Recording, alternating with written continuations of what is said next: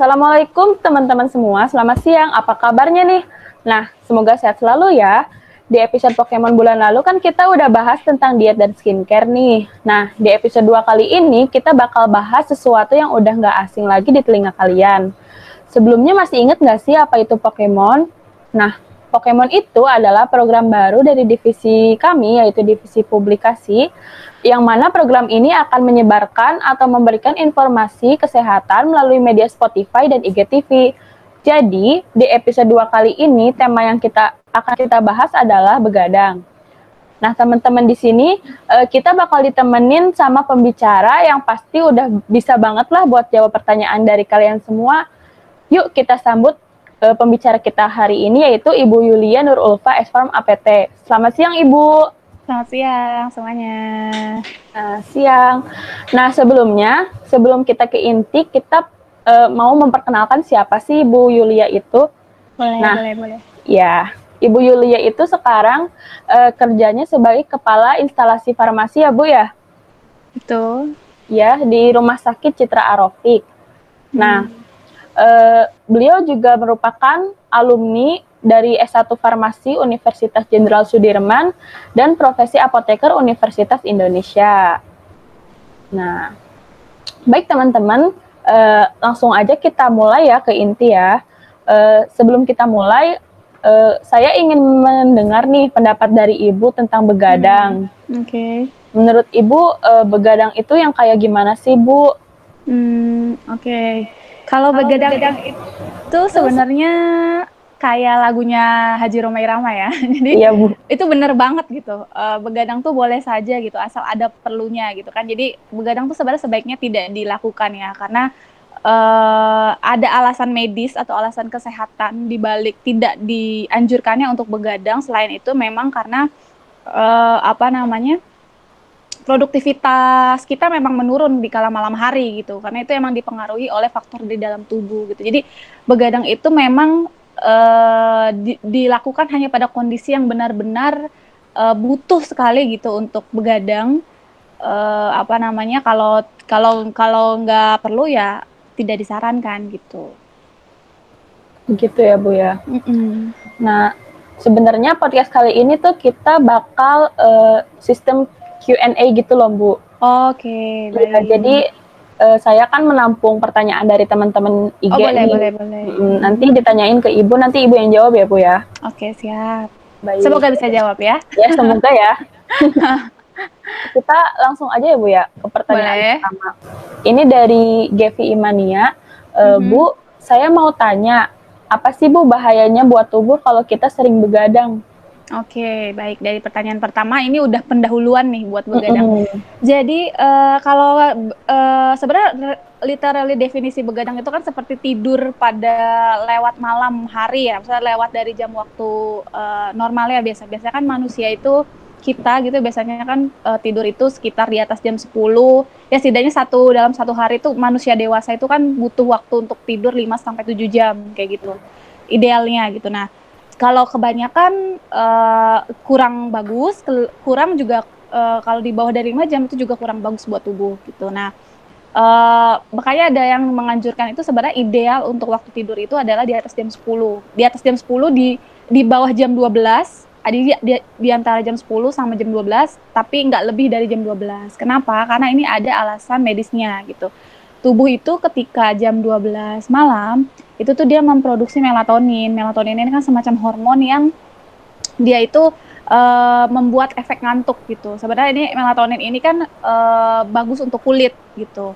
Uh, apa nama hormon yang untuk regenerasi kulit. Makanya memang kalau buat wanita gitu mungkin kemarin kan udah sempat belajar apa sempat podcastnya tentang skincare atau kecantikan itu kan ya. Iya, Jadi uh, sebenarnya untuk wanita itu bagus ketika ingin merawat kulitnya itu adalah pada malam hari sebelum waktu tidur. Jadi memakai produk-produk kecantikan lalu nanti ditinggal tidur gitu karena di situ akan semakin uh, ditunjang kerjanya atau efektivitas dari si program apa si skincare ini dari si hormon melatonin itu gitu. Nah, jadi jam 12 sampai jam 3-an itu adalah waktu uh, di mana melatonin itu sedang memprodu apa produksinya itu sedang meningkat gitu. Jadi makanya ada efek ngantuk setelah dari jam 12 malam. Nah, ini kan bahaya gitu ketika kita memaksakan diri untuk uh, tetap uh, apa ya, on gitu, tetap tetap nyala gitu sedangkan tubuh aja tuh udah memberikan sinyal itu kan sinyal ya ibaratnya ya.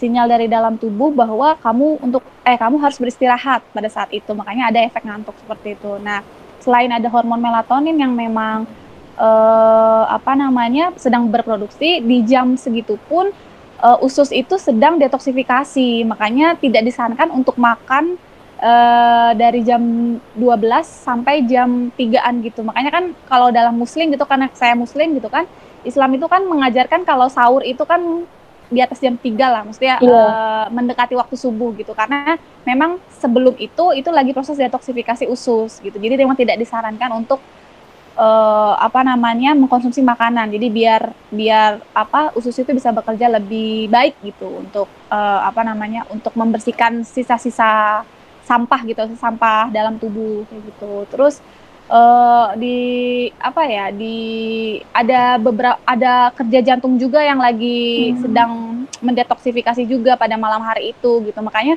ada beberapa obat juga yang lebih bagus diminumkan pada malam hari gitu kan. Obat hipertensi contohnya kayak amlodipin misalnya kayak gitu. Atau uh, ada ada ada beberapa eh, ada beberapa obat yang memang disarankan ketika memang itu untuk memper uh, apa namanya mem, uh, berhubungan dengan jantung irama jantung itu akan lebih baik diminum ketika malam hari. Karena memang pada malam hari itu si kerja jantung ini yang lagi optimum gitu kan.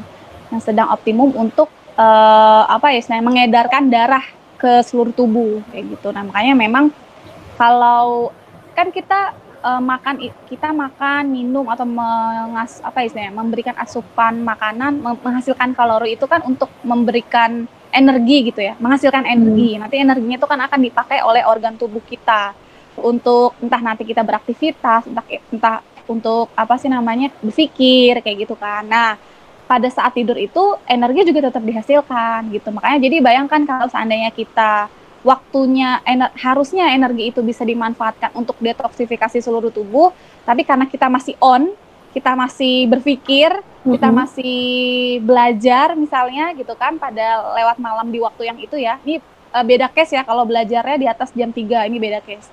Nah, kalau mas di antara jam 12 sampai jam itu maka dia energinya akan bercabang untuk yang lain gitu kan otomatis proses detoksifikasi juga kurang optimum gitu kan di dalam tubuh. Nah itu sih sebenarnya yang akhirnya nanti dalam efek jangka panjang itu akan menghasilkan penyakit-penyakit lain gitu. Maksudnya uh, karena tidak optimumnya uh, proses detoksifikasi dalam tubuh kayak gitu. Nah dari jam 3 pun sampai jam pagi ya sampai jam 6 itu itu tuh uh, ini apa namanya uh, melatoninnya sudah mulai berkurang. Makanya kita akan lebih mudah gam apa ya lebih mudah bangun gitu. Di antara hmm. jam 3 sampai jam 6 gitu. Karena memang udah ada sinyal tubuh untuk bilang kayak oh yaudah gitu. Emang waktunya harus bangun kayak gitu.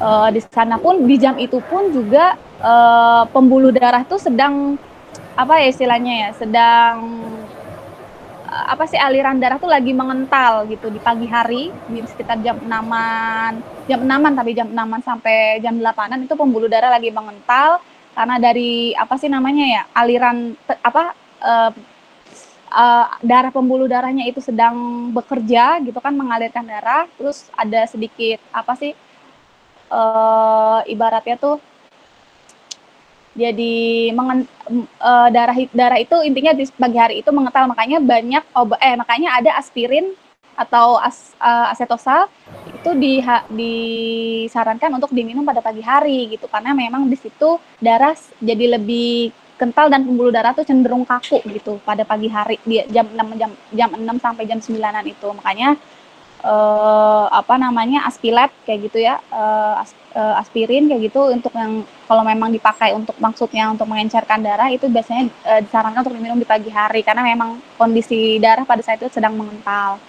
Kayak gitu. Terus uh, ya itu ya tadi di pagi-pagi itu uh, jam berapa ya? Jam 3 sampai jam 6 itu juga uh, suhu tubuh tuh lagi menurun gitu. Karena energinya dipakai untuk proses apa ya? Proses detoksifikasi tadi sama regenerasi kulit gitu. Makanya eh, apa namanya ya itu tadi karena ada efek ada melatonin tadi itu kan uh, melatonin yang terproduksi tadi gitu. Makanya bagus buat wanita gitu. Saya sangat menyarankan gitu ya kalau ada yang tanya karena kan ada beberapa juga yang menanyakan ke saya secara pribadi kayak gitu kan.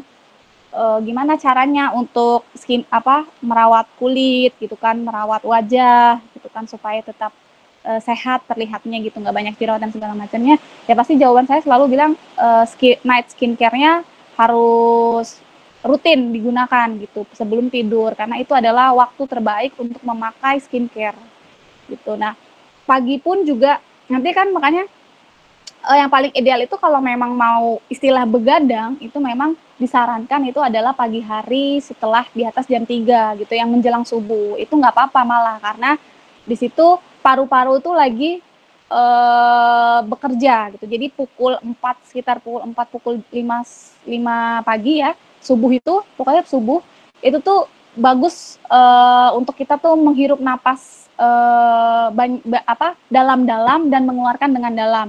Itu akan itu adalah waktu waktu paling optim paling uh, waktu paling tepat untuk paru-paru bekerja optimum. Makanya kita akan bisa menarik pernah nggak kalian bangun gitu ya pagi-pagi gitu ya subuh terus jalan sedikit keluar terus menghirup kayak itu pasti akan kerasa di dalam ya, itu Bu. lebih dalam nafasnya tuh kayak mm -hmm. lebih dalam gitu dan keluarnya pun jadi lebih panjang gitu nah itu sebenarnya yeah. lagi kerjanya paru-paru kayak gitu oh, bagus sih sebenarnya mm -hmm. jadi ada beberapa organ tuh yang memang punya jam biologisnya gitu. Mm -hmm. jam waktunya memang optimum kerjanya di mana gitu. Sama kayak jam 6 itu jam 6 sampai jam 7 ya setengah 6 lah setengah 6 sampai jam 7 itu tuh uh, waktu kerjanya usus besar gitu. Makanya suka mules pagi-pagi kayak gitu kan. Ada yang kayak aduh saya nggak sarapan deh gitu kan malah mules gitu ya itu memang sebenarnya bukan karena sarapannya dia mules gitu karena memang mm -hmm. pada jam segitu pagi-pagi itu adalah waktu kerja si usus besar untuk membuang dia kan dia detoksifikasi kan uh, apa uh, jam 12 malam sampai jam 3 itu kan dia detoksifikasi. Nah, nyampe ke usus besar untuk bisa mengeluarkan itu ya tadi sekitar jam 5-an sampai jam 7 seperti itu. Jadi dia baru akan mengirimkan sinyal untuk mengeluarkan kotorannya gitu. Saya sih baru tahu Bu pantesan iya. kalau pagi-pagi suka gimana gitu. Iya, jadi mau jadi sebenarnya uh, kalau dibilang aduh jangan sarap, aduh nggak sarapan deh gitu, ntar mules mm -hmm. gitu. Sebenarnya bukan karena sarapannya, karena emang itu karena emang normal mm. gitu dalam tubuh. Jadi mau nggak diisi pun gitu ya, mau nggak diisi pun ya dia akan bekerja seperti itu. Bedanya kan jadi kepengen ke belakang atau nggak kepengen ke belakang ya. Kalau nggak ada iya, nggak kepengen ke belakang kan. Iya, kalau nggak diisi jadi nggak kepengen ke belakang gitu. Tapi karena ada isinya jadi pengen ke belakang gitu. Intinya begadang itu mengganggu irama sirkadian. Iya, ya, mengganggu ya. irama sirkadian tubuh atau uh, biologic clock-nya itulah. Mm -hmm. Jadi jam biologisnya itu terganggu gitu. Jadi sama kayak tidur dengan cahaya pun itu juga sometimes itu uh, agak mengganggu uh, apa jam biologis tubuh. Kenapa? Karena iya, tubuh meng menangkapnya sebagai sinyal itu mungkin siang hari gitu kan walaupun itu cahaya lampu ya bukan cahaya matahari mm -hmm. cuman kan terlihatnya terang. Dan melatoninnya juga kan sensitif sama cahaya kayak gitu. Jadi uh, kurang bagus kurang disarankan lah untuk tidur dengan cahaya tuh gitu. Makanya kalau mau pakai cahaya pun kalau bisa uh, lampu yang meja redup. gitu atau yang redup mm -hmm. itu. Tumbler atau ya? Mm -mm, kayak gitu. Bukan lampu yang nyala gitu Pantes ya kalau misal tidur terus lampunya dinyalain suka susah tidur. iya jadinya gitu karena melatoninnya mm -hmm. jadi nggak optimum kerjanya karena ada cahaya gitu ya Bu ya. Hmm, itu jawaban pertama panjang ya, yang pertama. Informatif sekali Bu. Saya Lanjut, yang lain. Lanjut. Dari Diazrin. Ibu, bener gak sih kalau begadang itu hati jadi tidak maksimal merombak sel darah merah? Oke. Wow, pertanyaannya. Ini dari anak hukum loh, Bu, menanyakan sebenarnya. Oh, anak hukum? Iya, anak hukum. Hati yang mana nih? Gak tahu deh, Bu. Kalau uh, jawaban hati yang benar ya liver gitu maksudnya hati liver ya. untuk memproduksi sel darah merah jawabannya betul gitu karena memang memang tadi gitu ya uh, jam biologi jam sekitar malam jadi ada beberapa referen uh, ada beberapa pendapat ada yang bilang jam 2-an ada yang bilang intinya dari di rentang 00 sampai 05 itu itu ada di tengah-tengahnya itu adalah waktu di mana hati itu sedang memproduksi sel darah merah kayak gitu sedang sedang apa namanya sedang optimum untuk bekerja tadi. Makanya kan ada jam juga uh, jam tadi jam di antara jam 3 sampai jam 5 kan jam 5 pun itu kan juga pembuluh darah juga sedang apa bersirkulasi yaitu karena ada efek dari hati yang sedang juga bem, apa namanya memproduksi kayak gitu. Nah, kalau itu tadi proses detoksifikasi kan juga salah satu apa namanya uh, fungsinya hati gitu kan untuk mendetoksifikasi gitu. Makanya ketika kita ti, ti, harusnya tidur uh, energinya bisa disalurkan untuk detoksifikasi atau uh, energi untuk organ lain gitu kan tapi kita masih on gitu kan berarti kan kalau kita on yang nyala kan organ mata yang nyala kan uh, apa sih namanya uh, pendengarannya eh kesadaran gitu kan nyala gitu kan. Harusnya kesadaran menurun gitu kan ketika kita tidur. Uh, kan nggak mungkin kita tidur sadar kan. Nggak ya. Jadi makanya uh, ada beberapa uh, apa namanya badan eh apa tangan juga jadi bergerak gitu kan. Itu kan energi. Ini kan kita begini aja itu kan ada energi yang keluar kayak gitu. Jadi kalau kalau harusnya itu bisa diminimalisir dan dialihkan untuk detoksifikasi tapi ternyata kita masih on itu kan jadi terdegradasi si ATP-nya itulah gitu si energinya itu. Gitu betul itu jadi kurang bagus. Iya ya bu mm -mm. lanjut boleh bu? Boleh lanjut. Eh setelahnya. Ini Bu, indikasi insomnia itu seperti apa ya Bu? Kalau sering hmm. begadang atau tidur di atas jam 12 malam dan cuma bisa tidur di jam 3 itu apa disebut insomnia? Kalau bukan kenapa ya Bu? Nah, ini yang perlu. Oke. Okay. Yang perlu digarisbawahi ya dari untuk insomnia itu adalah uh, repetitif atau keberulangan. Jadi bukan uh, one case. Jadi misalnya katakanlah ya, hari ini kamu nggak bisa tidur gitu. Saya baru bisa tidur di atas jam 3. Intinya sih sebenarnya insomnia itu ada kondisi di mana harusnya kita tertidur tapi tidak bisa tertidur. Kayak gitu kan. Kondisi di mana kita uh, meng merasakan mengantuk efek dari melatonin tapi kita tidak mengantuk gitu. Tan uh, some ya some reason lah for some reason kita nggak bisa ngantuk kayak gitu kan. Nah, insomnia ini pun juga kalau dalam medis uh, itu tuh banyak ininya apa sih istilahnya ya uh, diagnosanya, uh, bukan diagnosanya, banyak assessmentnya yang harus dilakukan gitu. Nggak bisa sembarang kayak, aduh kemarin nggak bisa tidur gitu kan, cuman one case gitu ya. Insomnia nih gue gitu kan, kesannya kayak gitu kan, insomnia, insomnia, insomnia nih nggak bisa tidur gitu karena apa namanya kemarin gitu. Padahal dia mungkin nggak bisa tidur itu karena dia kepikiran sama uh, apa namanya uh, kerjaannya atau dia kepikiran sama masalah yang belum terselesaikan gitu. Jadi insomnia itu dibagi dua, ada yang memang harus di treat by uh, medicine, ada yang memang harus eh ada yang hanya perlu diterapi uh, psikologis gitu. Jadi yang hanya konseling segala macam gitu. Nah, kalau yang insomnia memang dia medicine itu dia harus ke dokter kayak gitu dan akan diresepkan apa coba biasanya obat yang bisa bikin ngantuk? Golongan apa? Golongan ini Bu, opioid. Eh bukan ya? Iya, eh, enggak bukan opioid, uh, psikotropik. Oh, yang psikotropik. Oh, iya. iya. Biasanya yang uh, golongan itu yang akan diresepkan ya untuk uh, yang kalau case-nya uh, karena dia butuh medicine gitu dan ini pun assessmentnya banyak gitu. Kayak bakalan ditanya uh, riwayat pengobatannya kayak gitu. Misalnya dia habis minum obat apa dia konsumsi apa gitu kan. Terus kayak aktivitasnya sehari-hari akan eh, aktivitasnya sehari-hari tuh ngapain gitu karena sampai dia bisa on gitu kan. Bisa aja dia on insomnia itu karena dia dari pagi sampai sorenya tidur terus gitu. Jadi kan kacau irama tubuhnya gitu kan.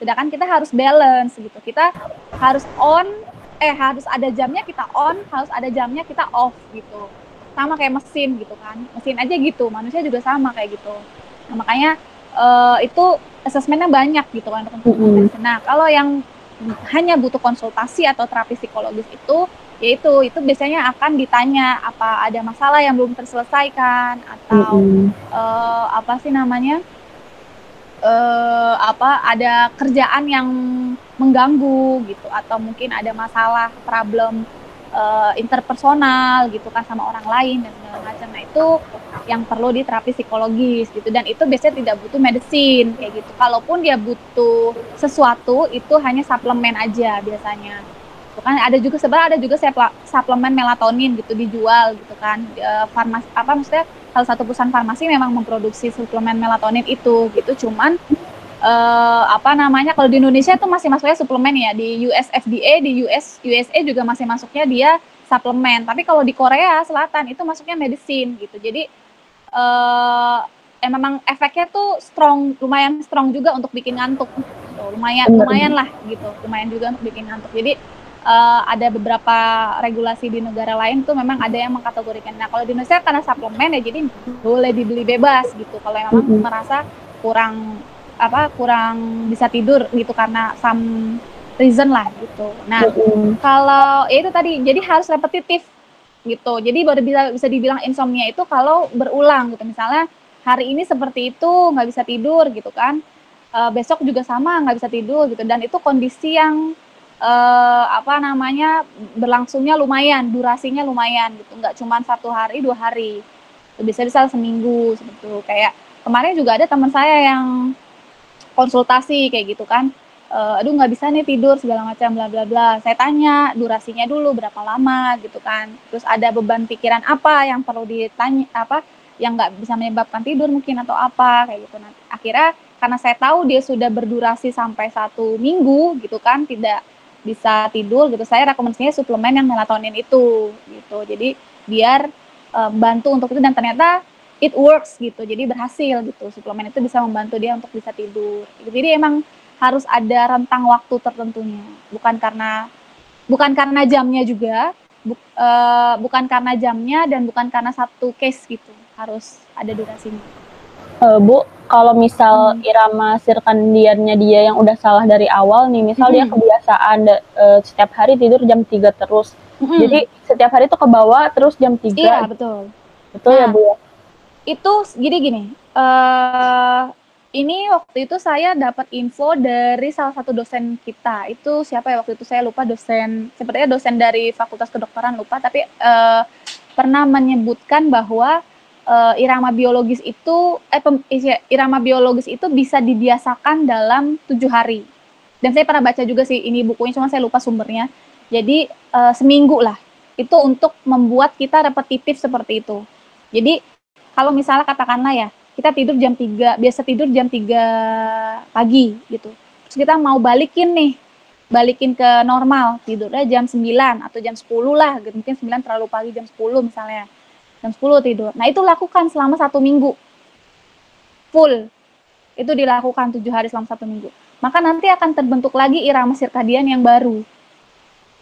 Gitu. Itu akan kembali lagi terbiasa seperti sama kayak misal kita uh, itu minimum ya minimumnya seminggu gitu. Jadi diusahakan seminggu untuk melakukan yang sama berulang-ulang. Sebenarnya hampir mirip dengan uh, prinsipnya uh, orang Jepang gitu. Yang kalau melakukan apa melakukannya itu kecil-kecil tapi di waktu yang sama kayak gitu. Ya itu kayak gitu. Karena belajarnya kita tuh punya kayak apa ya mode mode pembiasaan yang kalau itu dilakukannya dalam waktu minimum satu minggu dia akan terulang lagi kayak gitu. Jadi intinya untuk mentreatment insomnia ini ada cara yang cara terapi, ada hmm. cara yang konsultasi, sama cara dari kita sendiri mengatur irama sirkandian kita seperti yang iya, awal. Gitu mencoba ya. untuk membalikan lagi. Iya. Mungkin memang nggak mudah ya. Biasanya awal itu akan susah gitu. Mungkin butuh bantuan. Mungkin butuh bantuan kayak tadi misalnya suplemen kah atau apa seperti itu kan. Cuman uh, di apa namanya nanti ketik, uh, ketika itu sudah dilakukan berulang-ulang selama seminggu kan terbentuk yang baru. Nah itu uh, apa namanya dilakukan terus gitu supaya uh, apa namanya tidak kacau lagi irama sirkadiannya. Baik Bu, mm -hmm. uh, boleh lanjut ya Bu ya? Boleh silakan. Dari Dita Novia, ini apakah ada rekomendasi penggunaan obat tidur jika mengalami insomnia? Tadi ada ya Bu melatonin. Iya itu suplemen tapi ya bukan suplemen, obat. Ya. suplemen. Kalau obat tidur kalau udah parah banget paling pakai apa ya psikotop psikotrop. Iya, tapi itu juga harus ke dokter karena nggak semua dokter tuh uh, bukan nggak semua ya. Uh, karena kan ada kita kenal lah ya sebagai farmasis uh, kita kenal bahwa uh, obat psikotropik itu punya efek adik adiksi ya, adiktif gitu. Jadi uh, ya, itu kan perlu diperhitungkan gitu. Nah, kalau misalnya ya saya bilang itu perlu pertimbangan karena agak tricky. Triknya itu apa? Kalau dibiarkan insomnianya lama, terus jangka panjang, gitu kan otomatis akan timbul efek adiksi itu. Sedangkan kalau nggak di treatment gitu, nah biasanya tuh pasien manula. Pasien manula dia hipertensi itu biasanya akan diresepkan dengan psikotropik untuk membantu uh, tidurnya. Karena memang untuk pasien manula ya untuk lanjut usia apalagi dia punya hipertensi itu kan ha setidaknya harusnya ya dia tidur mm-hmm. gitu supaya kerja pembuluh darah sama jantungnya optimum gitu kan. Kalau dia udah hipertensi masih on gitu kan. Makin naik tekanan darahnya kayak gitu kan. Makanya dihar diharapkan bisa tidur gitu. Nah uh, orang lanjut usia tuh rata-rata cenderung untuk sulit uh, tidurnya. Makanya dibantu dengan obat psikotropik. Nah itu ada pertimbangan klinis gitu. Makanya hanya dokter yang bisa meresepkan hal itu. Nggak bisa kita yang beli sendiri. Kalau misal saya suka dengar nih bu ada mm -hmm. orang yang meninggal meninggal mendadak karena mm -hmm. itu meninggal betul. Mm -mm. itu, itu bagaimana itu despite of takdir ya. Mm -mm, iya sih emang karena takdir gitu uh, kalau dari segi klinisnya ya uh, itu karena uh, apa ya istilahnya iram bukan irama uh, kerja jantung yang berhenti mendadak gitu. It, nah in, penyeb, apa kalau bahasa ininya ya bahasa awam sih kayak kerja jantung yang berhenti mendadak. Nah reasonnya kalau ditarik lagi ke belakang itu bisa karena ada gangguan impuls listrik di jantung. Kan kita uh, kita ini punya listrik gitu di, di apa kita bisa hidup ini karena ada impuls listrik itu gitu kan. Jadi makanya kalau di EKG itu ada pucuk nah eh ada naik atas turun ke bawah naik ke atas turun ke bawah itu kan impuls listriknya. Nah ketika ada orang yang meninggal pada dini hari gitu misalnya atau karena begadang kayak gitu itu si impuls listrik ini terganggu, gitu. terganggu. gitu impuls listrik ini uh, terganggu sehingga ketika jantung tidak mendapatkan impuls listrik yang adekuat, yang cukup gitu untuk bisa mompa darah ke seluruh tubuh ya otomatis kan eh, organ-organ lain nggak ada aliran darah gitu. Sedangkan darah itu kan bawa oksigen kan. Ya, darah Bu. itu bawa oksigen, bawa nutrisi kayak gitu. Nah, ketika itu dipompa, eh ketika impuls listriknya terganggu gitu kan ibarat kayak lampu aja deh listrik gitu kan kalau uh, aliran terganggu dia kan kedap-kedip, kedap-kedip kayak gitu kan. Nah, sama ya. jantung juga seperti itu. Jadi kayak kesusahan untuk memompa sehingga seperti itu. Nah, ditarik lagi ke belakang ya bisa jadi karena dia beraktivitas pada jam yang seharusnya dia istirahat. Mm -hmm. Kayak gitu kan. Yang itu tadi karena energi untuk bisa menghasilkan impuls. Jadi salah satu efek dari energi itu kan ada ion yang terhasilkan dari proses pembuatan eh, apa proses perombakan itu untuk menghasilkan energi itu kan ada efek uh, apa namanya ada elektrolit yang keluar kayak gitu kan termasuk uh, ada uh, energi itu dibutuhkan untuk bisa uh, apa namanya uh, kalsium uh, apa ion kalsium itu masuk gitu supaya ada kontraktilitas otot gitu. Ini kita agak medi uh, maksudnya apa ya? Agak ilmiah ya bahasanya. Iya, Bu. Uh, ininya ada nanti bakalan ada orang awamnya juga ya?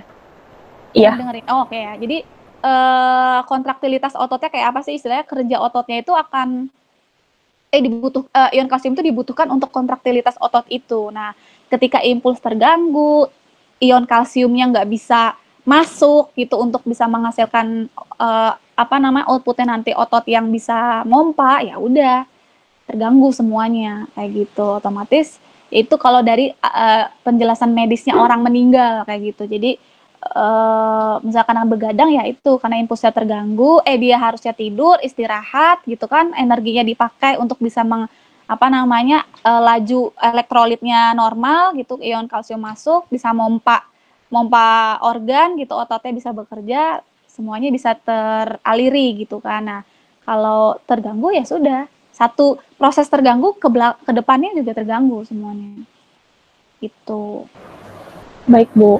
Mm -mm ini uh, sebe sebetulnya ada empat pertanyaan lagi sih. Cuman okay. kalau dilihat-lihat uh, ini sama aja sih sama pertanyaan yang tadi. Kalau oh, sama. Uh, jawabannya hmm. sama. Uh, dan juga karena podcast ini maksimalnya 30 menit ya, Bu. Oh iya, oke. Okay. Jadi tidak terasa sudah selesai gitu. Oh, siap. ya. Saya lanjut ke penutup ya, Bu ya. Boleh. Baik Ibu, terima kasih banyak atas jawaban yang sudah diberikan.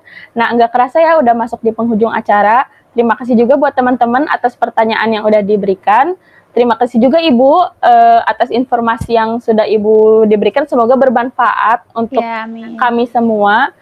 Uh, mungkin kita tutup saja ya podcast kali ini. Mm -hmm. Dan juga ditunggu di podcast selanjutnya di episode 3. Iya, oke. Okay. Dadah, selamat siang. Selamat siang. Terima kasih sudah mengundang. Ya.